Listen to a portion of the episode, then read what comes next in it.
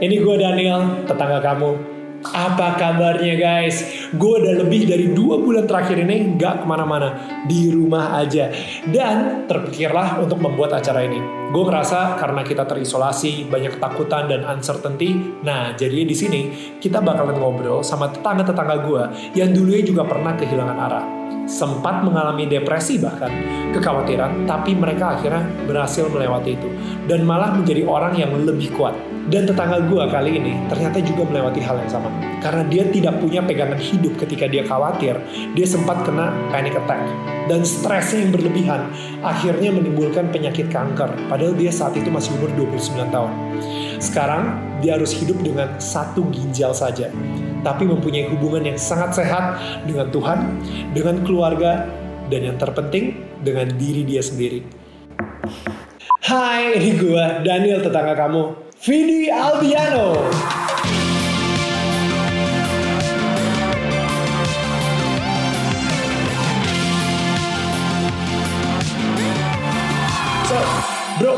You know kita ngobrol but real talk you know. Gue pokoknya kalau misalnya orang nanya misi apa visi misi lo apa basically untuk ini tagline-nya adalah uh, spiritually uncensored. Jadi gue benar-benar pengen Damn. ngomongin perjalanan spiritual orang. Karena kalau dari lu sendiri sebenarnya kayak kita ngomongin soal cancer, kita ngomongin soal lu pertama kali ditemukan menyanyi, gua ada di situ bro. Di perjalanan itu gua ada. Ketika lu pertama kali Sorry. keluarin single lu, gua ada gitu. Jadi gua kayak pertama ada, kali ada gue di interview itu sama you know? lu.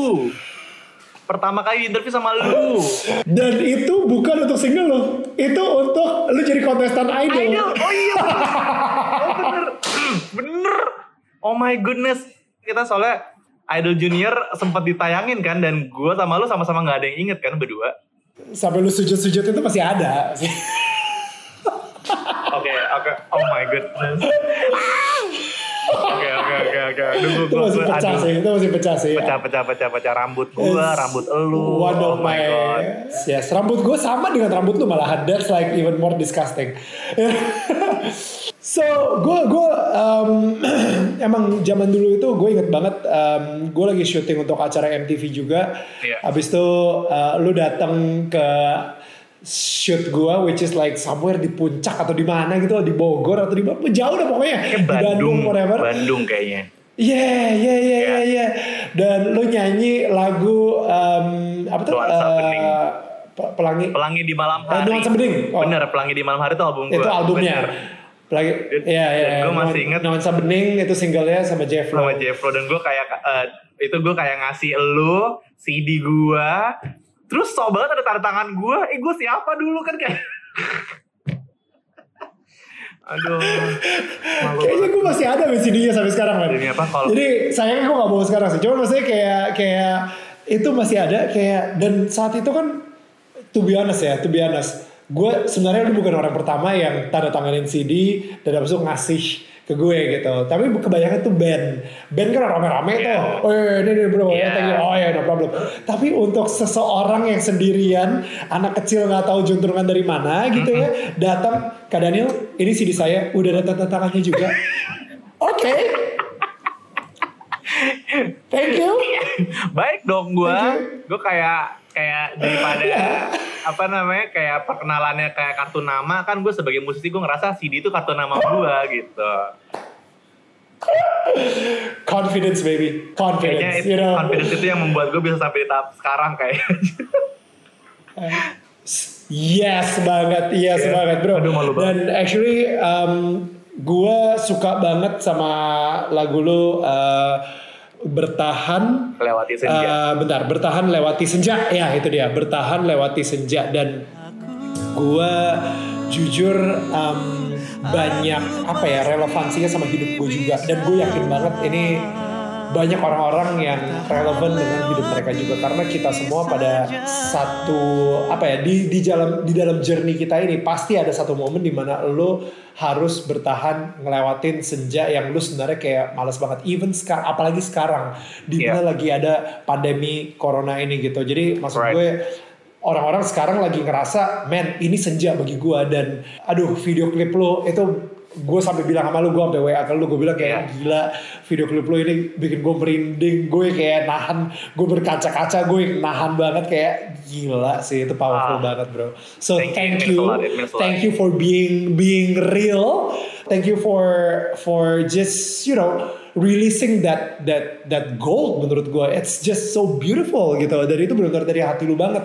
Gue tahu banget dari hati lu gitu. So bro um, itu lu tulis sendiri ya lu lirik semua lu um, nulis sendiri liriknya dan musiknya sendiri gimana Iya, gue sebenarnya itu adalah salah satu lagu. Jadi gue gini, gue tuh udah beberapa tahun ke belakang menulis musik itu menjadi sebuah uh, remedy buat gue dan sebuah pelarian gitu. Jadi whenever I feel something very apa ya, yang lebay gitu ya, mau bahagia terlalu uh, besar atau kesedihan yang terlalu besar gitu, kayak uh, kon- kontainernya tuh gue rasanya gue bisa dengan menulis musik gitu dibandingkan gue um, Hmm. ketanam di dalam diri gue sendiri gitu dan kebetulan um, Hmm.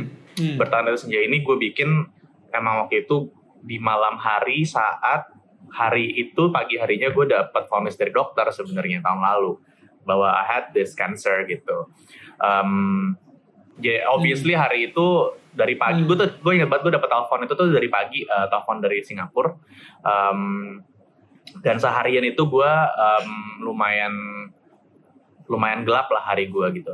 Uh, ya you know, lu juga tahu lah gue uh, tahun lalu tuh sebenarnya dari awal tahun tuh juga I've been dealing with my uh, anxiety issues kan.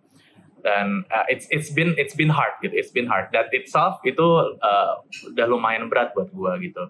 Ditambah pada satu hari di bulan September kalau nggak salah tiba-tiba gue mendapat telepon itu gitu. Jadi seharian tuh gue Hmm. anxiety gue ya ya I, I don't think that people yang mendapatkan kabar itu bisa santai gitu kayak gue seharian yeah of course gue seharian tuh kayak struggling with myself dan banyak banget suara di kepala gue dan akhirnya gue baru bisa me- menguntai satu persatu kata-kata yang dalam kepala gue itu di malam hari gitu dan itu yang menjadi lagu bertahan Hmm. lewat senja itu awalnya tuh gue cuman bikin lagu itu sebagai ini ya sebagai uh, penyalur aja gitu gue supaya ini suara-suara ini tuh Ya. kayak keluar aja gitu sebagai uh, sebuah lagu tapi ya itu akhirnya gue berani akhirnya baru berani uh, mengeluarkan lagu ini tuh uh, ya bulan lalu lah ya berarti ya gitu.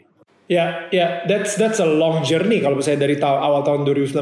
To be honest, Fit, gue to be honest ya, gue gue emang udah agak lose kontak sama lu juga. Tahun 2019 kayaknya kita jarang banget ngobrol gitu. Maksudnya, I think uh, pas zaman Idol Junior kita masih sering ketemu, tapi abis itu, you know, you're busy, I'm busy, and in the end akhirnya kita, uh, gue inget banget sih kayak 2019 tuh kayak tahunnya gue ngegarap film Suyu Susanti dan itu benar-benar kayak it takes most of my time even keluarga gue aja itu nggak ketemu gue gitu jadi kayak um, I actually I did not know kalau misalnya lo ada si anxiety uh, you're battling uh, anxiety attacks gitu dan obviously orang juga suka bilang kalau misalnya sebuah uh, penyakit yang mental itu pada akhirnya melanjut ke fisik tapi kalau misalnya gue boleh tahu what happened? Like uh, anxiety dulu deh gitu kayak suara-suara apa? Apalagi di referennya sendiri lu bilang gitu ya kayak aku pasti bisa melawan semua suara yang terus menggema mengusik jiwa. Jadi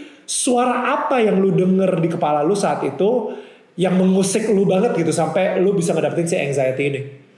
Jadi gini, gue tuh sama percaya kita semua tuh punya hari gelap gitu. Siapa pun gitu, nggak nggak harus nggak harus sampai anxiety gitu. Tapi kayak banyak aja gitu hari-hari kayak ngerasa kayak you know what, I I feel like today is not is not a good day for me gitu.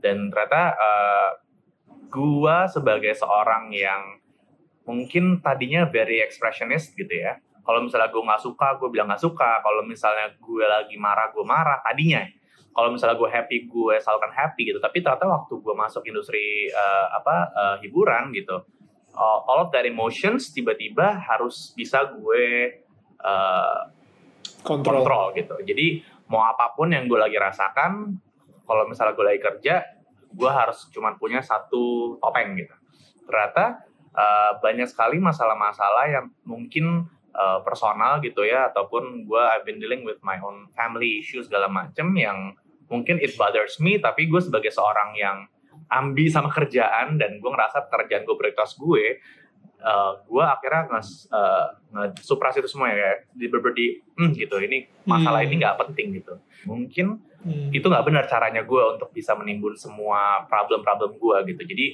uh, akhir tahun 2018 tuh berarti gue itu I had my first big uh, anxiety attack sampai gue itu uh, passed out waktu itu What? Ha- Wait, wait, wait, wait. Ah, akhir tahun 2018, um, mungkin bisa dibilang itu kayak panic attack berarti ya. Iya. Uh, kayak uh, jadi sampai passed Iya. out, lu sampai pingsan. Iya. Um, uh, what happened? Can you like itu di mana dan uh, lu lagi ketakutan sama apa banget sampai sampai lu ngedapetin si panic attack itu? Jadi itu pertama kali gue didiagnosa sama dokter gue punya kepanikan akut. Itu gue nggak pernah sebelumnya mendengar kata-kata itu. Gue nggak tahu apa anxiety attack apa segala. Semuanya gue kayak it's, it's all brand new information for me pada saat itu. Tapi ternyata saat gue trace back ke belakang, ternyata gue tuh sering mengalami yang namanya anxiety attack. Tapi dulu mungkin setahun sekali gitu. Dan itu pasti lagi gue lagi di Hmm. uh, rumah lagi waktu libur gue tapi itu cuman kayak biasanya gue bangun tidur gue ngerasa hari ini gue lagi nggak baik terus gue biasanya nangis tiba-tiba gue nggak sesak nafas gue nangis aja. Uh, itu gue biarin tidur di kasur and then that's it selesai. Tapi kan buat gue ngerasa oh mungkin gue mentally capek physically gue capek gitu. Jadi kayak ya udah gitu. Hmm. ternyata akhir 2018 itu gue ada acara tuh sama satu brand di Malang kalau atau Madiun ya. Eh, Madiun kalau nggak salah. Hmm. terus gue udah tahu hari itu gue ngerasa kayak nggak tahu reasonnya apa kalau mau tahu kayak gue semalamnya kenapa juga nggak kenapa-napa. Tapi hari itu tuh gue ngerasa gue moodnya nggak bagus. Udah gue hari itu seharian gue diem. Dari pagi gue ke airport eh, nyampe nyampe Madiun nyampe hotel gue eh, gue minta waktu istirahat. Eh, tapi nggak bisa tidur juga. Terus gue sebelum acaranya sore kalau nggak salah. Jadi gue jam 3an itu udah siap-siap di kamar mandi. Itu tuh gue makin kayak ngerasanya tuh tiba-tiba jadi kayak sesak nafas gue makin gak happy makin gak happy terus tiba-tiba kayak gak bisa kontrol perasaan dan pikiran terus tiba-tiba itu tangan gue eh, apa namanya kesemutan kaki gue kesemutan Bulu kuduknya, oh wow, oke. Iya udah kesemutan. Untungnya di kamar hotel gue itu lagi ada kru gue, gue langsung teriak kayak gue inget banget the last words that I said adalah gue bilang kayak tolong tolong gue nggak bisa fungsi, gue nggak bisa fungsi. Terus tiba-tiba hitam. And then waktu gue buka mata, gue udah di UGD ternyata gitu. Dan di situ gue baru tahu ternyata gue dicek semuanya blood uh, blood test, terus kayak fresh apa apa namanya uh, apa namanya tensi segala macam semuanya normal jadi kata dokter gue itu punya kepanikan akut dan gue dari situ baru ngerasa apa nih panik kepanikan akut dan itu gue dari hari itu sampai selama 2019 itu gue jadi sering yang tadinya mungkin cuma setahun sekali tiba-tiba dia bisa setiap hari gitu Oh wow. Damn bro, I did not know about this at all. Dan I mean obviously this is something uh, very personal juga gitu. Dan gue gue ngerasa um, gue sendiri juga punya anxiety attacks tapi mungkin gak sampai segitunya gitu. Dan Ya. gue nggak tahu ya kalau misalnya mungkin sekarang ini yang uh, yang lo alamin itu dialamin sama orang banyak di Indonesia. Tapi mereka kayak ya enggak lah itu mah biasa aja lah, lu aja lah terlalu khawatir berlebihan atau apa kayak gitu, malah di Iya. malah di dipikir kayak itu nggak penting, padahal sebenarnya it's a medical condition It's yang harus medical kita inin banget. ya Oke, gue gue pernah baca buku buku buku ini The Road Less Traveled dan dia emang ngomongin soal si panic attack ini gitu dan dia um, kebanyakan panic attack itu uh, terjadi ketika lu baru um, mengalami near death experience atau ada orang di dekat lu baru meninggal. Dan for some reason tiba-tiba that fear of death becomes so real dan you get panic attack. So do you know kenapa tahun 2018 akhir itu ke-trigger si panic attack itu? Um, so gue nggak ada apa namanya near death experience nor ada keting apa kehilangan seseorang yang gue sayang tuh enggak. Uh, but I know that I've been struggling with a lot of personal matters and family issues lah gitu uh, di gue gitu. Tapi to be exact aja tuh sebenarnya tuh gue mungkin gue tahu beberapa tapi gue nggak gue nggak bisa kayak oh gara-gara ini doang. Gitu. So 2019 tuh adalah journey gue sebenarnya dalam mengetahui uh, diri gue sendiri gitu akhirnya I've been seeing a lot of kayak to Yeah. figure out gitu uh, what, what happened to me Therapist gitu. misalnya. Therapist ya, I've been I've been Yeah. I've been going gitu. Yeah. Uh, terus juga beberapa latihan-latihan lain juga kayak gue ke Mas Reza Gunawan juga gitu, gue TAT segala macem. Dan Yeah. it, it it helps me. Tapi kayak kalau misalnya lu bilang sampai sekarang aja ini gue itu udah menang atau belum, gue bisa bilang gue masih dalam uh, masa perang gitu.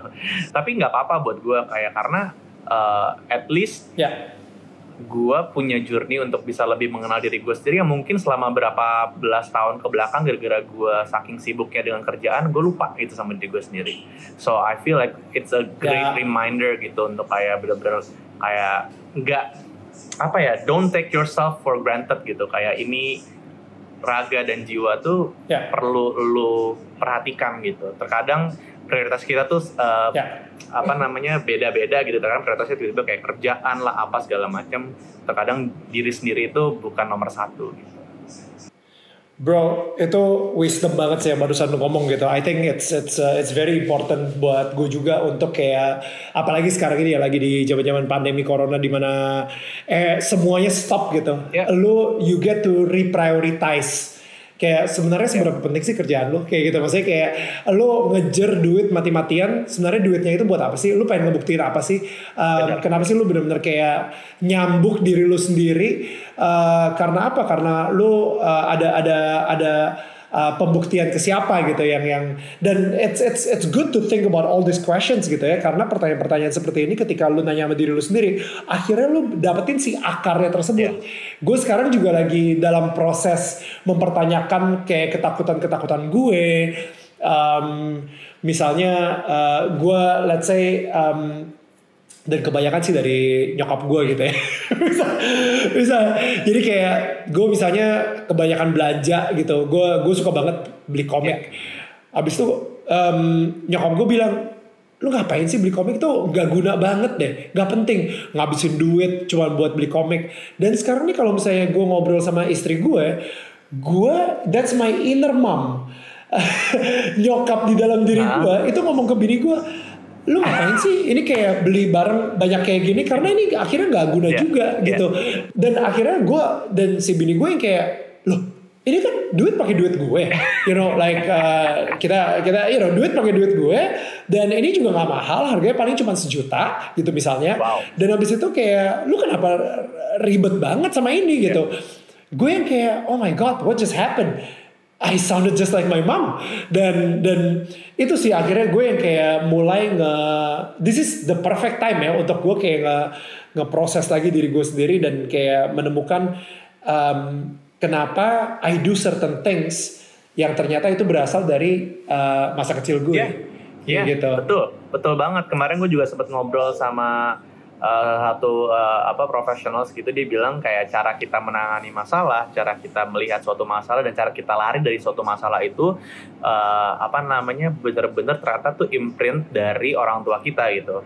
Kayak bapak bapak Ya. lo gimana, nyokap lo gimana gitu dan bener kata lo. Jadi gue tuh ternyata dalam gue melihat sebuah masalah gitu ya, kalau misalnya gue lihat masalah itu jadi kalau kata dia ada empat jurus itu empat jurus tuh kalau masalah nggak salah Hmm. yang satu adalah pelarian kedua adalah uh, Hmm. acuh ketiga itu uh, aduh apa ya Pe, aduh lupa gue pokoknya ada empat kalau nggak salah ngelawan nggak perlawanan nggak ada ada ada Nah. acuh perlawanan mungkin ada perlawanan ada kali ya Eh, kayak keluar gitu ya kayak marah gitu ya ada ada ya agresif ada ya ya ha. Nah kalau gue, gue itu mungkin lebih ke pendam. Oh gue ada pendam kalau satu pendam dan pelarian gitu. Hmm. Ternyata pendam itu gue Hmm. dapat dari nyokap gue.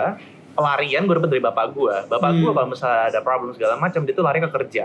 Nyokap gue kalau misalnya ada problem Hmm. dia larinya ke Tuhan, dipendam. Di, dia nggak dia nggak ngomongin ke sa- satu keluarga, tapi dia tuh pendam dia keluarin cuma dalam doa gitu. Dan ternyata gue Hmm. eh, cara itu itu yang gue lakukan gitu secara tidak ya. tidak apa tidak sengaja ternyata begitu gitu yang gue lakukan. Ternyata gue menyerap dua uh, ilmu itu dari nyokap bokap gue gitu Sebenarnya ada bagusnya juga sih, actually. Maksudnya kayak there there are always two sides of the coin gitu. Yeah. Maksudnya kayak uh, misalnya, you know, karena survival insting kita sebagai manusia emang dari dulu sampai sekarang adalah fight or flight kan. Jadi maksudnya lo lawan atau lo lari gitu. Dan um, gue emang kalau misalnya contoh misalnya gue berantem sama istri gue, gue tahu gue gak akan bisa ngelawan dia lari aja udah kayak gitu Dan pelarian- Mendingan dari gue gue gue diem aja kayak- gue kabarnya dan lari Berarti bisa ke olahraga, which is lu lari atau belanja atau Ya. jalan-jalan atau Ya. kayak ke mana tuh pelarian tuh bisa ke mana? ya bisa bisa dan gue lari aja gitu jadi daripada gue ngelawan dan gue tau gue bakal kalah anyway gue lari gitu dan literally gue lagi berantem nih sama bini gue gue inget banget eh, kebetulan gue lagi pakai sepatu lari gue keluar dari mobil gue lari loh Wah epic, lu epic, lu epic. itu literally Beneran lari sih? bro Lu lari deh. Wah, Beneran, beneran. banget sih fix. drakor juga lewat.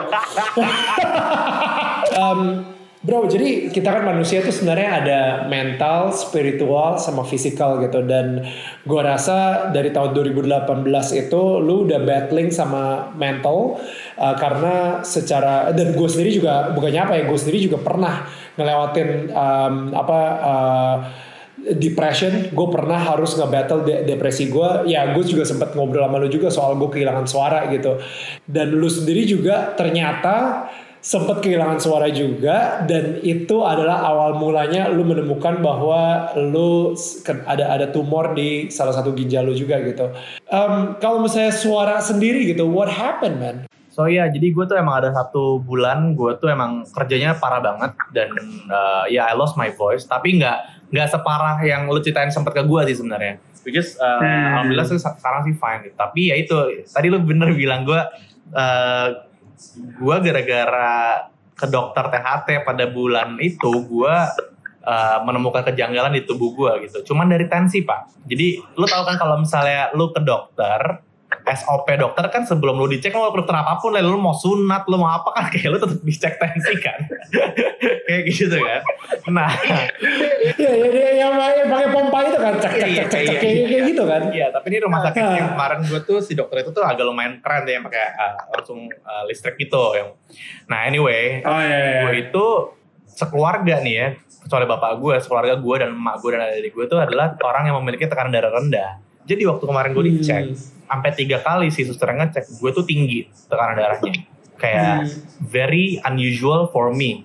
Karena ya itu tadi gue bilang gak Ya. pernah seumur hidup gue gue itu tekanan darah tinggi gitu. Kayak yang ada gue sering pingsan dulu dulu waktu SMP SMA tuh karena gue kekurangan gula dan tekanan darah rendah ya ini kayak gue tinggi tuh pasti ada yang salah gitu. Tapi itu gue diemin mungkin gue bilang ah gue kecapean kali ya hari itu. Udah minggu depannya itu gue lanjut ke klinik lagi berbeda gue mau vaksin waktu itu. Biasa SOP Hmm. lagi dicek lagi dan itu tinggi lagi. Nah situ gue mulai kayak mikir kayak Ya. apa dan gue anaknya kalau misalnya kayak gini-ginian emang agak lebay. Akhirnya gue check up tuh ke Singapura. Full body check up gue ngerasa kayak ah gue udah dua hari kosong nih di eh, apa namanya di jadwal gue kayak gue mau ke Singapura aja dua hari untuk check up gitu. Ya udah gue check up full body check up eh, segala macam biasa aja gitu kayak gue nggak ada rasa apa-apa kayak tensi tinggi pun gue nggak ngerasa gue sakit kepala atau apa tuh nggak ada nggak ada rasanya sama sekali gitu udah pulang-pulang ke Indonesia biasanya tuh mereka tuh cuma email aja gitu eh, hasilnya gitu kalau nggak email Hmm. mereka kirim physical apa sih kayak ev- evaluationnya ke rumah Iya, gue. iya. Tapi ini tiba-tiba itu tadi gue bilang, gue tiba-tiba dapat telepon dari nomor Singapura dan itu dari dokter itu dan dia bilang ada itu. Gitu. That's and that's that's the start of uh, I guess um, nggak tahu ya kayak kayak sebenarnya kayak gini tau lo gue gue ngerasa ya gue ngerasa sebenarnya red flag ya alarm alarmnya sebenarnya udah ada dari tahun 2018 dan maksudnya mungkin sebelum itu juga bahkan udah udah di udah di ada peringatannya lah ada red flag kayak gitu. Cuman pas pada akhirnya ketika dibilang lo ada tumor di ginjal lo dan uh, ternyata harus dioperasi dan bahkan lu sekarang ini hidup dengan satu ginjal aja itu kayaknya benar-benar ngerubah pandangan dan perspektif lu terhadap hidup juga. Dan um, lu juga secara lifestyle udah berubah banget gitu. You know yang ngopi juga udah enggak gitu. Minuman berwarna-warni enggak soda enggak. Uh, you know minuman yang ringan atau keras pun juga mungkin enggak. Kayak gitu kan. Jadi kayak bener-bener lu air putih all the way, right? Itu udah udah secara fisik itu I think you're you're in a good Cheers. track gitu. Yes, yes, that's a cheers, yeah. And you know, gue percaya banget itu air putih bukan vodka. anyway, secara fisik lu udah mulai membuat perubahan.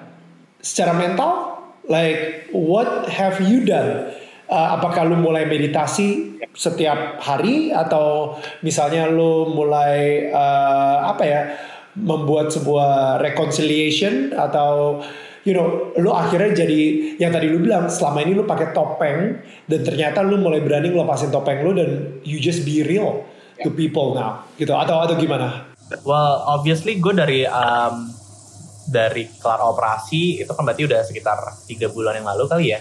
Um, a lot of things have been changed gitu kayak gua sekarang ini lebih prioritas jujur berubah prioritas gue udah nomor satu tuh adalah diri gue sendiri gitu dan kesehatan gue gitu. Um, dan gue ngerasa gue butuh lebih sering untuk komunikasi sama badan gue gitu.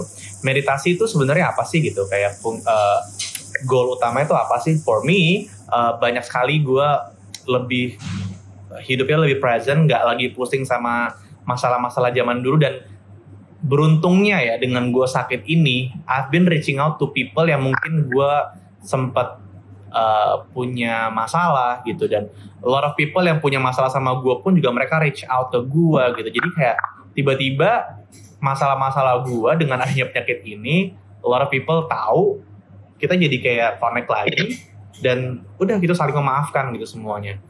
I can honestly say that mentally I'm I'm I'm I'm good.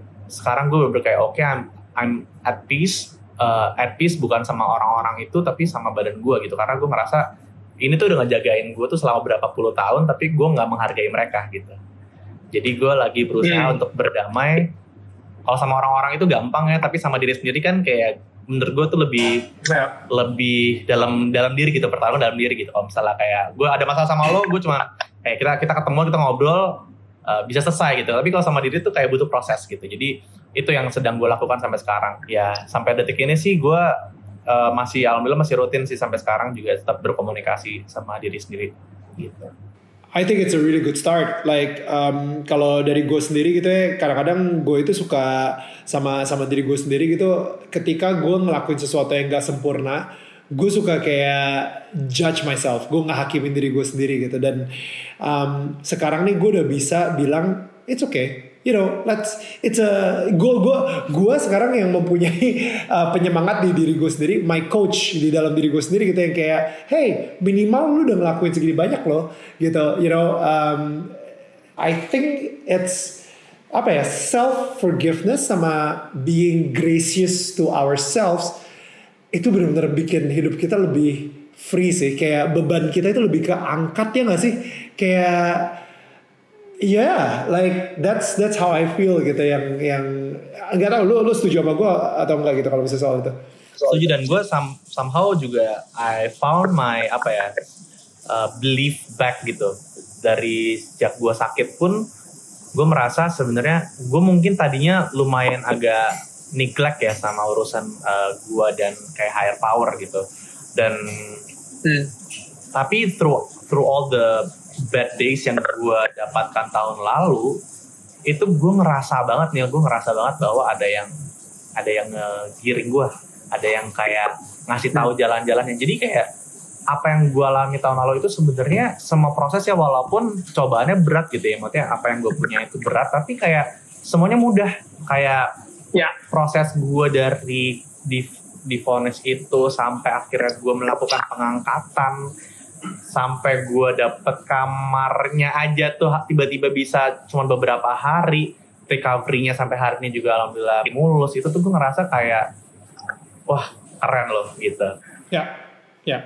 Thank you ya. gitu maksudnya. Jadi somehow ya gue gue bersyukur banget malah gue dapet kanker kemarin jadinya in a way gitu. Kayak wah gue wow. gue di gue di sayang banget nih ternyata masih disayang dengan apa pun yang sudah gue lakukan beberapa tahun lalu tadinya gue zalim sama diri gue sendiri tapi Tuhan masih sayang sama gue tuh kayak masa gue dikasih second chance gue nggak bisa masa gue gitu lagi hidup gue gue akan gue gue berubah yeah. gue pingin berubah gitu jadi lebih baik, baik lagi gitu bro gue pas dengerin vlog lo gue ngerasa ya kayak sebenarnya pas lu bilang biasanya lu kalau misalnya check up lu ngambil uh, paket yang basic aja tapi nggak tahu kenapa hari itu gue pengen ngambil paket lengkap yeah. itu aja menurut gue itu udah Tuhan sih itu soal yeah. Tuhan yang ngomong dan habis itu lu punya temen temen temen lu uh, yang lu ketemu di pernikahan Yeah. uh, Bear ya namanya Bener. itu nge-push lu terus secara persisten Iya. gue nggak tahu dia dari mana dan lain-lain tapi dia nge-push lu secara persisten itu pun juga udah kayak kayak mungkin Tuhan yang gerakin hati dia untuk nge-push lu terus gitu Iya. Maksudnya ya ngapain juga? Se- kepo banget sih kayak sama temen sendiri eh men lu cek lagi deh. Eh men lu cek lagi deh. Ngapain? Kepo banget. Tapi the fact that itu itu udah kayak bukti banget sih kalau misalnya Tuhan masih sayang banget sama lu men. Dan lo tau gak, Um, kayak gue ya gitu. itu, lo gak tau juga, tau gak ya, gue udah bercerita juga belum sih yang kayak ke gue ke Singapura pun itu tuh gue tuh sebenarnya eh ya maksudnya gue dapat telepon dari dokter lagi bahwa ini tuh urgent untuk gue diangkat gitu ya. Hari Ya. itu tuh gue itu Ya. pulang dari eh gue itu inget banget gue kelar dari CT scan di Jakarta gue CT scan untuk beberapa kalinya lagi Em, keluar dari itu kayak dapat result bahwa gue emang ini udah urgent udah stadium 3 dan gue harus diangkat cepatnya bener-bener keluar dari rumah sakit itu gue dapat telepon dari manajer gue dia nggak tahu dong gue kenapa-napa kan gue nggak pernah nggak cerita soalnya Iya. jadi gue Iya. telepon gue cuma dia cuma nanya fit selasa depan gue betul hari Jumat gue ke rumah sakit fit selasa depan lo ada jadwal apa? Oh nggak ada apa-apa mas. Kenapa? Selasa gue dapat tawaran main di Singapura. Lo oke ya gitu. Budgetnya segini segini oke ya gitu. Ulang tahunnya Pak Otis gitu gitu. Terus gue kayak mas apa pun yang lo uh, dealing sama nih orang mau berapapun harganya lo ambil aja karena gue memang butuh ke Singapura. Kenapa? Ya gue itu belum cerita. Ya gue butuh ke Singapura gitu. Gue butuh Hmm. ketemu dokter gue ya udah selasa gue nyanyi. Rabu gue ada PET scan lagi di sana. Kamis gue ketemu lagi dokter. Gue bener-bener pingin banget gue uh, cepetan aja diangkat Uh, dia bilang kayak Ya. tapi nggak mungkin gitu. Gue bilang kayak nggak apa-apa nih gue kalau bisa besok besok deh dok gue bilang gitu Uh, di, di depannya gue bilang dok kalau bisa besok besok aja dok. Dia bilang nggak mungkin lo pikir nih Novina nih kayak rumah sakit apaan nih kayak ngantri banyak. Terus tapi kayak I'll try to make some calls dia bilang gitu. Terus udah dia dia pergi dulu ke ruangan klien. Terus dia bilang kayak you're very lucky ada satu ruangan tersisa besok hari Jumat. Kalau lo berani besok Jumat kita no langsung way! kita langsung operasi. Jadi gue ngerasa kayak gila. Gila gila gila gila. Gila sih. Dan dan dan itu maksud gue kayak oke.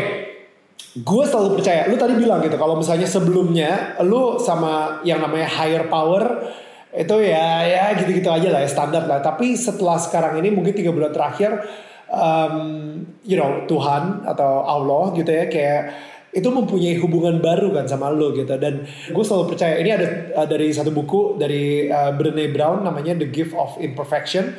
Wah bro lo harus baca banget sih itu buku sih kayak kayak itu pecah banget. But anyway um, si- di buku itu dia bilang di setiap perjalanan hidup seseorang ketika dia ngalamin breakdown dari breakdown tersebut lahirlah spiritual awakening. Ya dan itu biasanya selalu terjadi. Gue breakdown gue ketika gue depresi kehilangan suara gue. Dan di situlah gue mulai yang tadinya mungkin gue munggungin Tuhan akhirnya gue balik badan. Ke jalan ke arah Tuhan lagi gitu. Biarpun emang hidup gue karena you know mungkin jaraknya masih jauh gitu ya jadi hidup gue masih hancur banget dan lain-lain. Tapi minimal gue udah mulai jalan step by step menuju ke arah Tuhan gitu. Nah lu sendiri bisa kasih tau gak sih kayak kayak bro hubungan lu sendiri sama Tuhan tuh sekarang seperti apa sih? Wah, em, gue inget banget, gue mulai pertama kali eh reconnect ya, reconnect itu malam sebelum gue operasi waktu itu. Gue gue sholat maghrib waktu itu di ya, di Singapura waktu itu. Dan sama gue doa dan kayaknya gue gue baru pertama kali ngerasa kok kayaknya gue bisa ya kalau buat gue karena gue kan muslim dari kecil ya sholat juga. Maksudnya kita gue dari SD sampai SMA tuh sekolah Islam gitu.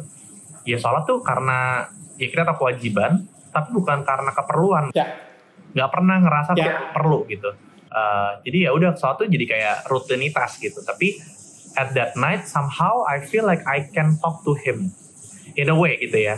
Gue Ya. gue bisa komunikasi dengan semua doa-doa yang gue sampaikan dan gue ngerasa dia tuh deket gitu itu yang nggak pernah gue rasakan sebelumnya gitu. Dan ya, dan dari situlah gue sampai sekarang kayak I think I've been worshiping myself uh, this past few years gitu ya. Kayak terlalu mengagungkan gue gitu. Maksudnya kayak ini kerja keras semua karena gue yang kerja gitu. Ini karena tim gue yang kerja gue yang hebat gitu. Dan itu yang berubah gitu. Saat lo tiba-tiba value lo zero kayak ha, ha, lu dapet vonis ini tiba-tiba lu kayak dimelekin gitu sama Tuhan. Kayak eh lu muji-muji diri lu sendiri kalau misalnya nih gue ambil satu aja ginjal lu hilang gitu. Kayak lu selesai gitu hidup lu bisa selesai gitu sebenarnya. Jadi kayak gue udah di lus dari sayang-sayang nih sama Tuhan dari sentil kemarin tuh dikit gitu kayak yuk jangan kayak gitu lagi gitu. Sekarang gue gue sholat tiap sholat tuh gue berbeda lah ini gue uh, tujuan gue gitu. Kalau dulunya gue sholat cuman untuk uh, karena rutinitas gitu sekarang gue sholat emang karena gue ngerasa Yeah. kayak gue butuh butuh ngomong butuh bersyukur Yeah. butuh berterima kasih atas semua yang sudah diberikan sama gue sampai detik ini semua semuanya itu nggak cuma yang yang bagus-bagus ya even kayak kemarin nih gue baru beberapa minggu lalu Yeah. dapat ujian segala macam kita sekarang lagi di dilanda ujian corona gue juga berterima kasih gitu karena gue yakin dia punya maksudnya gitu kenapa kita dikasih ini gitu jadi thank you lo masih uh, kayak kasih kita banyak sekali ujian berarti masih sayang dan masih pingin kita untuk terus berjuang gitu. Kalau misalnya kita udah dikasih enak-enak aja gitu nah itu gue mulai kayak kenapa nih kok gue kayak udah dilupain sama Tuhan ya? Kayak gue dikasih enak aja deh kayak dia udah gak peduli sama gue gitu Enggak lah, enggak, kayak gitu juga lah. Kadang-kadang ada loh uh, musimnya, ada ada ada musimnya di mana lo dikasih enak-enak aja gitu dan lo bersyukur aja lah thank you. tapi tapi karena itu gitu yang ada tuh bukan karena gara-gara kita doang men itu ya, jangan itu itu gue setuju. I think it's it's beautiful when lo punya hubungan intim seperti ini. Menurut gue ini adalah uh, sesuatu yang indah banget sih dan gue senang banget sih ngedengerin dari lo sih. Ya, ya thank God lah Pak. Gue ya even though itu gue ngerasa semua ujian-ujian gue itu sekarang jadi ya lumayan wah gue sih bersyukur banget. Gue bener bersyukur banget gue dikasih itu kemarin. Jadi bener-bener kayak beru- merubah banyak sekali eh, karakter gue, merubah banyak sekali prioritas gue, merubah sekali hubungan gue bersama eh, lingkungan gue gitu. Even gue sama orang tua gue, sama adik-adik gue sekarang bener-bener kayak aduh I'm very grateful that kayak mungkin tadinya a house is not a home, but now I do feel like I have Yeah. a home wherever I go gitu kayak even from my closest friends gitu kayak gue ngerasa thank you banget ya guys tuh semuanya ada di sini. Even from my fans gitu kayak banyak sekali anugerah-anugerah yang tadinya gue nggak pernah kayak ngegede-gedein itu tapi sekarang semuanya that little things itu jadi kayak gede gitu di gue jadi kayak I feel whole sekarang gitu. Wow. Oh man, that's like itu kata-kata itu gue cuma bisa dengar kalau misalnya lu udah ngelewatin si yang sebelum tiga bulan yang lalu ini gitu. Know, perjalanan lu emang harus di situ karena this wisdom yang lu dan maksudnya uh, dari kacamata bersyukur itu itu hanya bisa lu dapetin melalui uh, percobaan yang atau ujian yang berat banget sih menurut gue.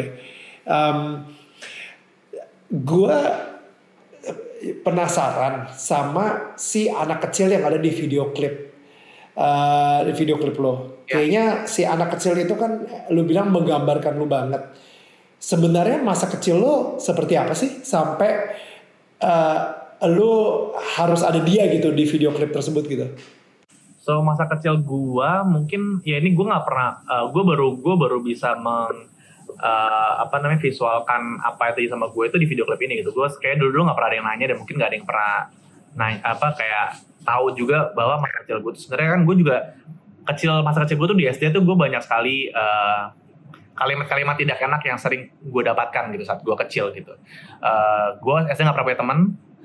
Um, masa kecil gue sebenarnya indah sama keluarga gue doang gitu dan itu gue sangat amat Hmm. grateful gitu gue sama nyokap gue gitu makanya kayak di video klip gue gue tunjukkan bahwa di rumah tuh gue uh, diajarin main piano Sempurna. sama nyokap gue sempurna gitu. Masa kecil gue tuh di rumah tuh sempurna. Tapi saat gue keluar rumah itu gue gue ngerasa gue tuh nggak aman gitu gak nyaman. Dan dan itu build up to my insecurity jadi sampai mungkin hari ini gitu. Maka ada di klip itu juga sebenarnya gue di rumah tuh aman. Gue sama bokap gue bikin prakarya gue sama nyokap gue main uh, main musik gitu. Yang tadi lo bilang gitu apa yang terjadi sama lo kecil ternyata itu tuh punya pengaruh besar sama uh, diri lo sekarang gitu yang udah gede gitu. Jadi uh, tapi ya itu di situ gue gue ngerasa apa pun yang terjadi sama gue all, all bad and good things itu itu membentuk gue sekarang gitu. So gue harus syukur itu semuanya. Tapi sekarang gue gue sekarang bisa ngerti kenapa gue ngerasa hal yang ini mungkin karena dulu gue ini. Knowing that stuff aja tuh buat gue itu membantu gue dalam mengenal diri gue sendiri gitu. Yang terkadang itu gue lupain Hmm. gitu jadi itu anak-anak anak kecil itu benar-benar nge-represent apa yang terjadi sama gue uh, apa di uh, masa sekarang. Masa sekarangnya kan tadi lu juga dari awal gue uh, di video klip sampai akhir Yeah. gue ada beberapa momen gue uh, depres gitu. Gue ada tenggelam ada uh, kepikiran sempat mungkin ada apa namanya uh, mau mau akhirin aja semuanya gitu. Jadi itu itu Ya, bisa dimulai dari saat uh, trauma dari saat kita kecil gitu. Itu sih yang mau gue sampaikan wait, lu mau mengakhiri semua berarti lu sempet punya pikiran pengen bunuh diri segala kayak gitu dong? iya iya Tam. iya Umur berapa?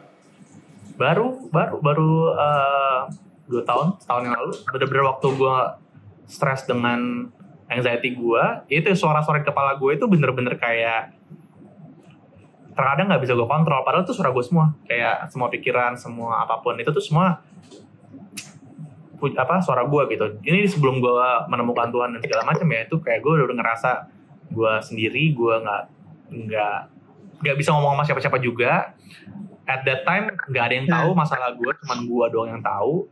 Uh, keluarga gue nggak tahu apa pun gitu. Jadi it's it's hard. It's been hard waktu itu. Jadi kayak gue ngerasa kayak udah udahlah gitu tapi untungnya itu gue gue untungnya waktu itu gue punya sahabat sahabat yang memiliki wisdom yang menurut gue lebih tinggi dari gue dan mereka yang pertama kali first aid kit gue tuh keluarga gue malahan. First aid kit gue tuh adalah sahabat-sahabat gue malahan. Jadi mereka yang selalu kayak akhirnya me- mengerti dan me- membantu gue gitu. Gitu. Dan gue ngerasa waktu kayaknya ya, waktu lu kecil, lu akhirnya membuat sebuah tembok itu sih untuk ngelindungin diri lu sendiri. Dan sayangnya tembok itu akhirnya menjadi topeng lu. Dan um, I think everything that you've been doing, um, you know, supaya lu nggak it, it, it's based on fear, ketakutan, ketakutan nggak diterima, ketakutan diserang lagi kayak lu lagi kecil, ketakutan kayak lu um, mungkin dipermalukan, being shame, um, you know, all this sehingga akhirnya lu pasang topeng tersebut dan topeng itu emang beban deh, maksudnya bikin capek, bikin capek dan gak sehat, emang akhirnya jadi toxic gitu. Karena um, Tuhan menciptakan manusia untuk menjadi real, menjadi otentik, bukan bukan untuk memakai topeng gitu. And uh, dan yang lebih gilanya lagi tadi lo udah bilang sesuatu yang menurut gue powerful banget. Ketika lu lagi ada problem dan lu mendam itu dan lu nggak ngomongin ke siapa-siapa, itu bahaya banget sampai akhirnya jadi penyakit gitu. Karena lu tau gak sih, gue gue selalu gue selalu percaya juga gitu Fit. Kayak yang namanya kegelapan um, ketika kita taruh masalah atau problem atau ketakutan atau uh, shame kita, rasa malu kita dan lain-lain di, di kegelapan dan kita nggak pernah bawa itu ke terang, yang ada si setan itu atau suara-suara di, di kepala kita itu mereka bisa ngancem kita kayak eh nanti kalau misalnya orang tahu tentang rahasia lu yang lu selama ini sembunyiin di kegelapan tuh gimana? Lu tahu nggak kalau misalnya nanti lu sampai jadi dia bisa menggunakan itu sebagai senjata untuk menghancurkan pikiran lu dan otak lu gitu. Dan dan akhirnya ketika lu berani ngomong ke seseorang ya ke sahabat lu misalnya lu akhirnya kayak lu berhasil membawa masalah atau ketakutan lu itu ke terang itu si setan itu ya iblis itu nggak udah nggak udah nggak bisa ngapa-ngapain udah kayak ya ya dia udah ngomong ke orang. Kalau misalnya dia udah tahu udah gak seru nih kalau misalnya gue bocorin nih. Gue mau ngancem dia pakai apa lagi ya? You know what I mean? Like like I think uh, it's always healthy itu akan jauh lebih sehat ketika lu karena gini karena ternyata ketakutan yang selama ini lu mikir wah ini sih cuman gue aja nih yang punya. Ternyata teman-teman yang lain juga punya dan mereka sendiri juga kadang-kadang suka malu gitu untuk ya iya you know kayak ngasih tahu bahwa mereka sendiri juga punya ketakutan yang sama-sama lu dan kayak oh men gue pikir cuma gue aja. Ya ya itulah setan gitu yang eh, menaruh kebohongan-kebohongan di kepala lu gitu. Ya itu gue rasakan 2018 akhirnya saat gue yang saya attack gede yang sampai gue pingsan itu. Itu kan gue sebenarnya gue akhirnya harus bikin statement di social media gue bahwa gue eh, harus cancel acara gue di Madiun itu eh, apa namanya karena gue mempunyai masalah ini ini ini ini itu. Nah dari situ itu teman-teman gue tuh luar biasa sih. Gue inget banget kalau nggak salah Afgan sih waktu itu yang bikinin satu intervention buat gue gak lama dari kejadian itu dia bikin intervention buat gue dia kumpulin semua sahabat-sahabat gue dari semua pertemanan gue waktu itu. Uh, ada sekitar 20 orang ya pada saat itu. Dan di situ mereka datang cuma buat gue dan satu persatu tuh bisa ngomong sama gue dan ternyata mereka itu sahabat bintang satu gue ya. Mereka ternyata waktu ngomong sama gue wow. ternyata de, exactly yang lo tadi bilang kok. Mereka tuh punya problem yang sama-sama gue sementara kita temenan udah 10 tahun gitu. 11 tahun.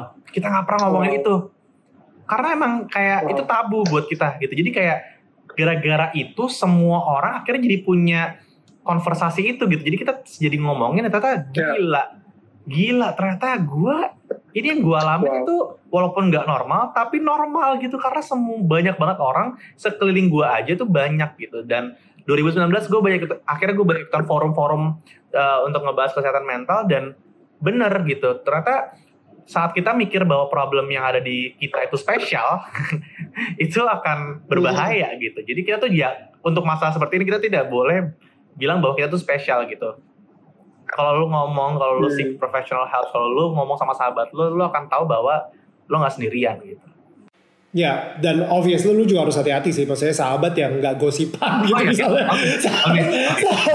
Okay. ya, yang yang yang dia nggak akan judging juga, dia nggak akan ngehakimin lu. Dia kayak ngelihat ke lu, yo, lu kemarin uh, di mata gue sempurna, hari ini lu di mata gue nggak sempurna, tapi tetap aja gue sayang sama lu you know like like you know yeah. it's it's those kind of friends that we need right yang yang menurut gue emang that's what matters. Uh, dua lu ketemu dua atau tiga orang aja temen yang seumur hidup bisa seperti itu yang kayak akan terima lu apa adanya. Bro you hidup lu akan jauh lebih bahagia daripada orang kebanyakan benar. Menurut gue setuju. Setuju banget setuju so. banget. Itu makanya gue juga ngerasa kayak itu 20-an orang yang ada di ruangan itu ternyata tuh bukan kayak orang-orang random, ternyata tuh bener-bener orang-orang yang mengerti gue gitu. Jadi gue ngerasa kayak I have so many people yang bener-bener ternyata gue bisa ceritain, tapi for for this amount of time yang terakhir ke belakang itu gue nggak nggak tahu harus ngomong ke siapa segala macem. Akhirnya ya itu uh, blessing in this guys gitu jadi ya kayak gue gue bisa punya saran untuk ngomong lagi sekarang lebih enak gitu tonton gue lebih terbuka lebih bisa lebih bisa menerima diri lu sendiri juga dan karena teman-teman lo akhirnya tahu gitu lo kayak gimana juga dan mereka akhirnya melindungi lo juga gitu. Ya, uh, lo lo lo nggak sendirian dan itu penting banget sih. Uh, lo nggak ngerasa sendirian lagi gitu. Um, I think itu adalah uh, apa ya satu hal yang bakal membuat lo nyaman banget saat ini di mana semua orang lagi um, mungkin ada yang depresi juga, ada yang anxiety attack juga ada nggak sih tips yang lu bisa kasih ke orang-orang yang mungkin saat ini masih di dalam senja? Buat gua uh, mindset dulu yang penting. Harus harus selalu ingat. Gua tahu ini tuh suka lupa gitu. Kita tuh suka lupa. Pertama bahwa kenapa gue juga bilang ini tuh senja gitu bukan bukan gue nggak bilang bertahan lewati hari gelap gitu. Tapi gue mau merubah yeah. mindset bahwa senja senja itu sebentar mau tapi sebentarnya tuh ya bisa uh, macam-macam lah uh, waktunya bisa sebulan bisa sebentar atau tiga tahun sebentar tapi yang jelas senja itu sebentar senja itu akan lewat gitu jadi kayak selalu percaya bahwa harapan itu akan ada gitu dan selalu percaya bahwa uh, Tuhan higher power siapa pun yang lo percaya di, uh, yang lebih besar dari lo itu pasti punya kasih ujian ke lo uh, sesuatu yang pasti lo bisa lewatin gitu mau seberat apa pun itu lo liatnya percaya bahwa lo punya capability untuk bisa melewati itu Kedua yang gue sangat hmm. amat ngerasa terbantukan adalah saat gue meng mengkomunikasikan apa yang gue rasakan, apa yang ada di kepala gue itu ke orang lain gitu, ke medium lain gitu. Bisa orang, hmm. bisa ke lagu, bisa nulis, bisa ngegambar, apa pun itu lu channel it gitu. Tapi kalau misalnya lu emang bener-bener yeah. bisa uh, untuk cerita itu ke sahabat lu gitu, mungkin kalau ke orang tua gitu mungkin agak susah ya buat banyak orang, terutama generasi yeah. muda buat gue uh, agak lumayan susah gitu. Tapi kalau lu bisa menemukan sahabat lu yang bisa lu percaya dan lu bisa ceritain itu, itu akan sangat sangat membantu. Uh, tapi kalau misal lu ngerasa emang lu butuh banget bantuan profesional, go seek for help gitu. Karena sekarang ini udah nggak tabu lagi untuk kayak pergi ke profesional gitu untuk masa-masa seperti ini karena ya. generasi kita yang muda-muda ini udah beda sama yang dulu-dulu. Menurut gua kita ini banyak sekali uh, apa generasi kita ini banyak sekali uh, pressure gitu, social pressure-nya banyak. Ya. Uh, terus kita juga kayak in terms of achievement pun kita tuh pressure tuh dari mana-mana gitu. Jadi kayak I think it's Ya. okay to channel it out gitu ke profesional. Tapi kalau misalnya emang lu nggak punya uh, mungkin nggak punya teman yang bisa lo percaya ataupun mungkin dananya se- uh, agak lumayan terbatas untuk ke professionals cari aja di social media di Instagram yang benar-benar legit ya gue tahu tuh beberapa platform sekarang menyediakan ya gue gak tahu sih lagi corona sih sekarang tapi uh, beberapa platform kemarin-kemarin tuh menyediakan kayak sebuah komunitas gratis yang bisa uh, lo j- gabung dan lo bisa utarakan masalah lo di situ gitu. Terakhir tuh gue tahu menjadi manusia kalau nggak salah tuh punya platform itu gitu. Jadi kayak mereka setiap setiap sebulan sekali atau berapa gitu ya mereka pilih satu tempat untuk lo bisa kumpul di sana total strangers lo bisa ngomongin masalah-masalah lo cuma buat ngomong aja. Nggak bukan berarti lo uh, Wow. apa namanya mendapatkan uh, feedback balik ya nggak nggak perlu. Karena first stepnya adalah lo omongin aja gitu apa yang lo rasain dan apa masalah lo Ya. gitu. Iya, jadi dua dua hal itu sih menurut gue yang paling penting percaya. Selalu ingetin bahwa uh, hari senja ini akan lewat someday. Uh, kedua, kalau bisa lu komunikasikan, komunikasikan gitu. Uh, apa pun yang lu rasakan, apa pun yang ada suara di otak lu tuh lu komunikasikan. Itu akan jauh lebih sehat daripada lu pendem sendiri dan ngerasa kayak it's okay gitu. Menurut gue itu akan lebih sehat, Yeah. lu bisa keluarkan. Fit, thank you so much, Fit. Um, you know, I think that's uh, that's the end of uh, Daniel tetangga kamu. You know, Wow. Ini gue kepoin uh, tetangga gue, and uh, just want to say thank you so much. Gila, man. Um, kayaknya kita nggak ketemu selama setahun gitu ya, tapi uh, gila, man. Your growth, pendewasaan lo itu jauh lebih tinggi. Maksudnya kayak, oh my goodness. Gila, dulu, dulu video yang gue kenal kayaknya gak kayak gini. Iya. Gue kenal kayaknya ma- masih, ya Del, apa kabar Del? Ya, ya, ya. lu juga I can say the same things to you ya bro Bro, tapi thank you so much. thank you for your time. I love you so much, brother. You know, like uh, I wish we can we can talk more. Um, dan gue gue berharap banget sih abis ini kita ya kita kita ngobrol lebih banyak lah. Lo dari kemarin itu kan kita oh iya lu sempet ke rumah gue juga tapi kayaknya harus lebih sering lagi ke rumah gue ke apartemen gue dan gue belum ke rumah lo so gue bakal bawa anak-anak gue juga ke rumah ke rumah Yes. lo yes Yes, please. yes I have Nintendo Switch Formula kalau misalnya mau. I have Animal Crossing. jangan, jangan, jangan menyetani anak gue dengan game-game lagi. I have ya. books. Oh gosh. I have books. Uh, yes. Ya, I have piano. Gue gue bisa ajarin piano nanti. Yes. Ya, itu penting tuh kayaknya tuh. Bro, thank you so much. Thank you for letting me visit you. I'll see you, brother. See you. Bye. Thanks guys sudah mendengarkan podcast Daniel Tetangga Kamu dan jangan lupa untuk follow podcast Daniel Tetangga Kamu di Spotify dan share ke sosial media kalian sekarang juga. Kalian juga bisa menyaksikan Daniel Tetangga Kamu hanya di Daniel Mananta Network di channel YouTube-nya setiap hari jam 4 waktu Indonesia bagian Barat. Karena setiap minggunya akan ada sosok-sosok inspiratif yang akan menceritakan perjalanan spiritual mereka. Guys, gue cuma bilang sekali lagi, thank you so much.